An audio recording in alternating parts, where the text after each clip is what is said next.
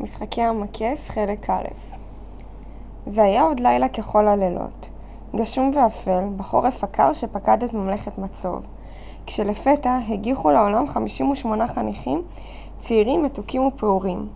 שמחה וצהלה הייתה בממלכה, התרגשות מהדור החדש ותקווה לעתיד. כדרך הממלכה, התחנכו הצעירים אצל מלך הממלכה הידוע ברחבי צה"ל כולו, המכס. כל חניך בביתו שלו, מממלכת פיתוח הצפונית, דרך בירת המחקוש חלידציה ועד לטופז המדברית בדרום. שם גדלו החניכים תחת חסותו של המלך הגדול, ושלושת האומות חיו בהרמוניה. אבל הכל השתנה כשהמכס עמד להשתחרר. הבשורה נפלה כרעם ביום בהיר על הממלכה. עד אז הכל היה ברור, היה סדר לדברים, וכל אחד היה במקומו.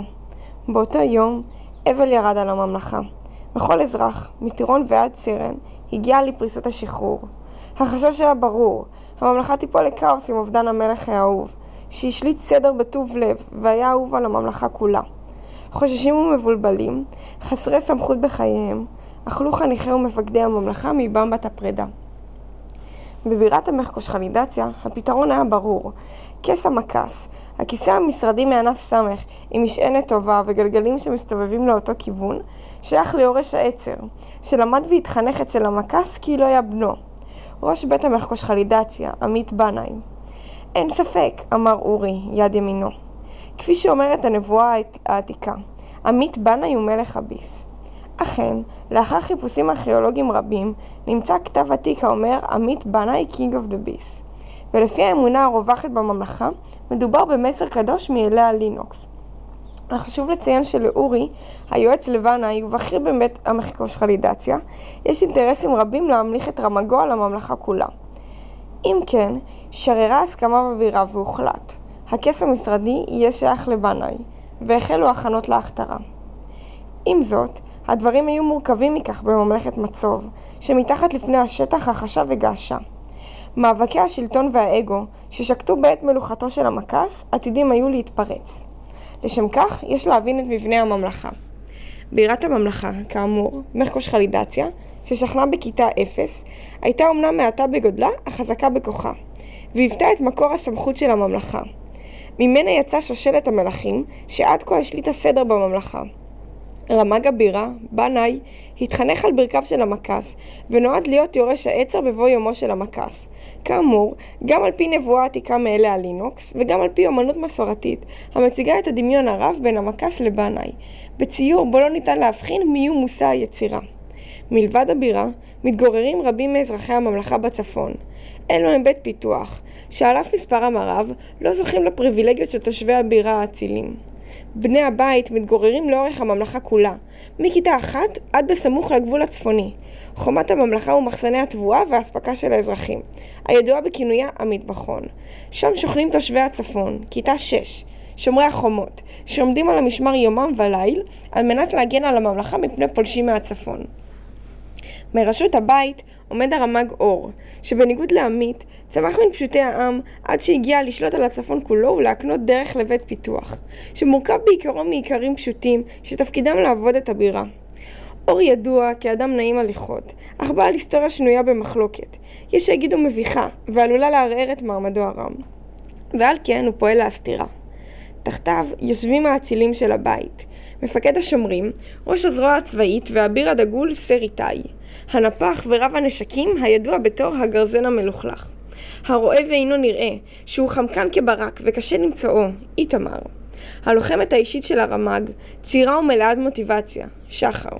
ואלמן נועה חייכנית, בת אצולה שמאירה את הארמון. מסופר על אדם נוסף ומסתורי שמשפיע על האצילים, אך הוא לא ידוע לציבור. לאחרונה, התיישבו תושבי בית פיתוח שמעשו בצפון דרומה, היכן שבעבר היו רק כפרי קבצנים ואיכרים שנודעו מהסיביליזציה, התיישבות שידועה כיום בתור בית חוד. אמנם שושלת צעירה, אך היא מתחזקת מיום ליום. בראשות הבית עומדת, באופן מהפכני, הרמ"גית ארבל, ששואפת להעצים את מעמד הבית, כאשר תחתיה עומדים יועציה וחייליה הנאמנים ששרים למרותה הנוקשה, מיכאל וטל. עוד ראוי לציין שבעבר תושבי הבירה, מחקושכלידציה, התיישבו בקפיטול, כיתה אפס. אך עם הזמן והצפיפות שהקשו על רמת החיים הגבוהה אליה התרגלו התושבים, איכות חיים הכוללת טכנולוגיה חדישה, 20 gigabyte RAM, ושטחים נרחבים, כבשו בית מחקוש חלידציה את כיתה 4, שהייתה שייכת לבית פיתוח. מלחמה עקובה מדם, שמאז סיומה עוד לא שככו הרוחות בנבטים, בנוסף לרגשות הטינה הרבים שמצטברים בבית פיתוח. השטחים הכבושים מעולם לא הושבו. נקודות נוספות הן שארמון האצילים נמצא בתוך בירת הממלכה, הקפיטול, וידוע גם כחדס, המבנה השמור ביותר בממלכה כולה.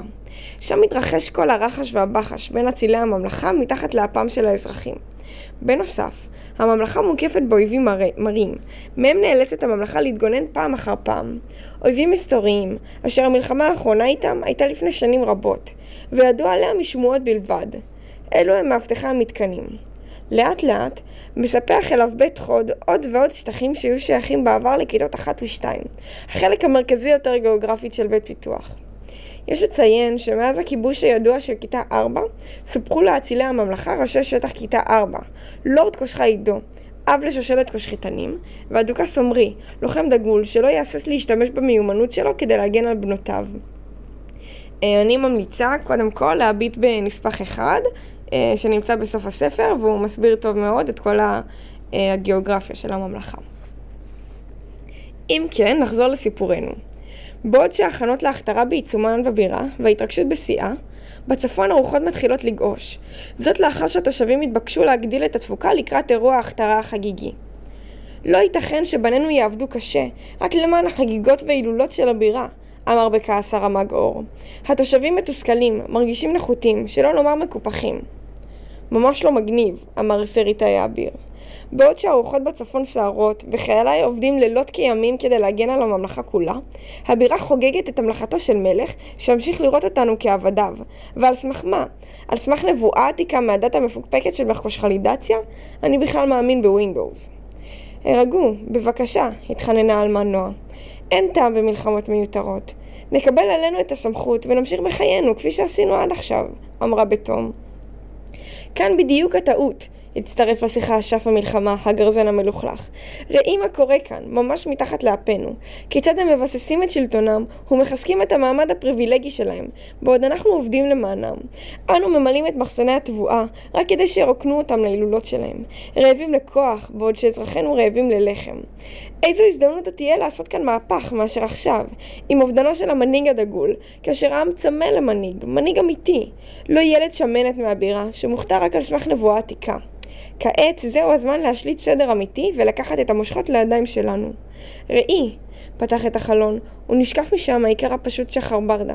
תושב בית פיתוח וחניך צעיר, עובד תחת השמש הקופחת. לא ייתכן שחניכינו מעבידים עצמו בפרך. בידינו הכוח, המספרים, ברשותנו לוחמים מאומנים היטב. רק תנו לי את האות ואפתח במלחמה. זה בדיוק הכאוס ממנו חששנו. חוסר סדר בממלכה, גופות נערמות, התמלא בחששות העלמה. חששנו? מעולם לא חששתי, התפרץ הרמ"ג בביטחון. זוהי הבירה שחששה למפול ממעמדה. מעולם לא חששתי ממלחמה, ואיני חושש. זוהי זכותנו לעמוד על שלנו ולהילחם על זכויותינו. האם זה אישור לצאת למלחמה? שאל הגרזן המלוכלך, מלא בציפייה. כן, אמר אור ללא היסוס. מעניין, אמרה הרמ"גית ארבל, בעודה בוחנת את האיגרת שהתקבלה מהצפון.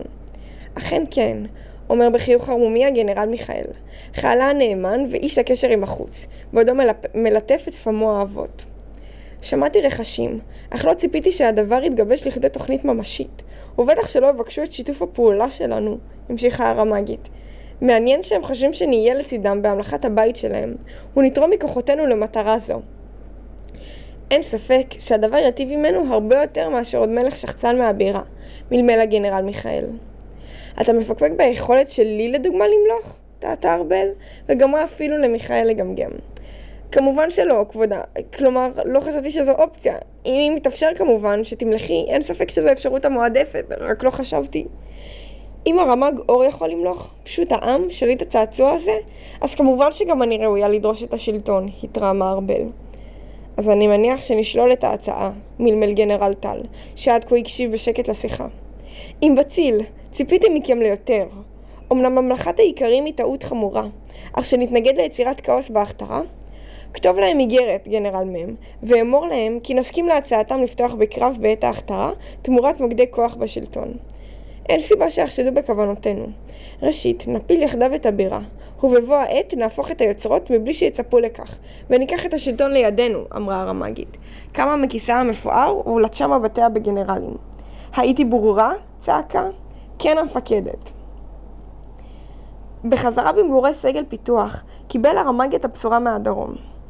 אז הם איתנו, נהדר. לא היה לי ספק שהאינטרסים שלנו הם משותפים, קרא בגאווה. רשום, הגרזן המלוכלך. אוסף לכוחותינו את האמזונות מהדרום. הן יאגפו את הטוראים של הבירה, ויבטיחו שאם ירצו משפח דמים, ידנו תהיה על העליונה. חשוב להבהיר, אנחנו לא מעוניינים במערום גופות, אך ורק במלך הביס. ברגע שהוא יהיה בידינו, לא תהיה להם ברירה אלא להיכנע לשלטוננו. התוכנית ברורה? כן, אדוני, אמר הגרזן המלוכלך, אחרי הזרוע הצבאית ואסף הנשקים כזכור. אך לפתע התפרץ השיחה סריטאי. הקשב הרמ"ג, אין ספק שהפעולה היא בעדיפות עליונה, אך לא ניתן לשלוח את כל לוחמינו לבירה. הביראים מהצפון מוכרחים להישאר ולשמור על הגבול, על התבואה. הרוח במטבחון תוססת מתמיד, ואי אפשר להוריד עינינו מהמשמר. תן לי להשאיר פה את האבירים, הרי שמעתי שהדרום איתנו, נוכל להסתדר גם בלי כוחותיי. סר איתי, פתח הרמ"ג, שנדמה כועס, ייתכן שהקור בצפון שיבש את מוכחה? אנו ניצבים בפני המערכה החשובה ביותר שלנו מאז הקרב האפל על כיתה 4. להזכיר לך איך הוא הסתיים? גייס מיד את כוחותיך. מדובר בחיילים המיומנים ביותר שלנו, והמבצע לא יכול לצאת לפועל בלעדיהם. סריטי המבוהל התחנן. בבקשה ממך, הרמ"ג, התר לי להשאיר לפחות לוחם אחד. הברק יכול להישאר. אני מאמין שזה מספיק. זה הכל. קרא ללוחמיך מיד לתדריך קרב, הכריז הרמ"ג. הברק הוא לוחם צעיר אך דגול, אחד מחניכי הממלכה וכלה מיומן. ידוע גם בשמו ברק שובל. שומר החומה זכה לכינויו עקב כך שהוא מהיר כברק, עוצמתי כברק ומחשמל כברק. בעל פוטנציאל רב להוביל את הלוחמים להצלחה מסחררת, אך בו בזמן מסתורי ביותר.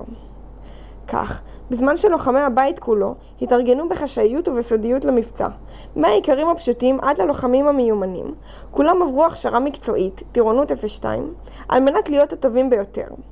הברק נבחר להישאר ולהגן על הגבול, אך הכל השתבש כשהברק לא הגיע בזמן לשמירה. ההכנות בבירה הגיעו לשיאן ביום ההכתרה החגיגי. חדר האוכל התמלא בתחנות מזון מהיר ומכונות ברד. התושבים לבשו את מדי א' החגיגיים שלהם, וכל העיר התמלא באווירת שמחה.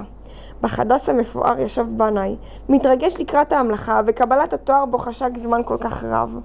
מאחוריו עמד אורי, סידר את שערו והכין אותו לרגע ההכתרה. סוף סוף, הרגע אליו השתוקקתי. הכוח בידיי. כל אזרחי הממלכה הפשוטים יהיו תחת סמכותי, ואוכל להפעיל עליהם את נחת זרועי. מלמל בנאי בהתרגשות רועמת. כמובן, אדוני, אך כמו שאמר אלוהינו מלך הסייבר, עם כוח גדול באה אחריות גדולה. שמור על האיזון העדין בממלכה, שניכר שהיא רועשת בימים אלו, הגיב אורי, מלא בחשש. כמובן, איזון. אחרי שנבסס את מעמד בית מחקוש חלידציה כבית השולט ויחזק, מן הסתם, אמר בנאי. היועץ אורי בחר לשתוק, אך בהחלט חשש ממה שמתכנן מנהיגו, המלך לעתיד. שעת ההכתרה הגיעה. הסופסוף מגוון, מעשירי הבירה ועד לאיכרים הפשוטים, הגיעו לצפות והתאספו מסביב לבמה הרמה. ברגע השיא, לאחר נאומו מלא ההשראה של בנאי, לעתיד הוד מלכותו, עמד לורד קושחה עידו, בתור האציל האהוב על העם, למשוח את בנאי בקורקום המלוכה. הוא שפך עליו באיטיות את הקורקום, והחל במלאכת ההלבשה בשרוך המוזהב, הסמל הידוע למלוכה על הביס. זה היה האות של המורדים. מיד שלפו חיילי פיתוח, החניכים הצעירים, את נשקיהם, מחרב עד חנית, הכל מבית הייצור של אשף הנשקים הגרזן המלוכלך. ועיקפו את משמר המלוכה של הבירה, שהיו אמורים למנוע כאוס בטקס, ונכשלו במשימתם. מבינים שאין סיכוי מול בית פיתוח העצום בגודלו, מיהרו משמר המלוכה להימלט, אך בדיוק אז הוקפו על ידי המזונות מבית חוד, ששלפו את החץ והקשת שלהן על המשמר המבוהל.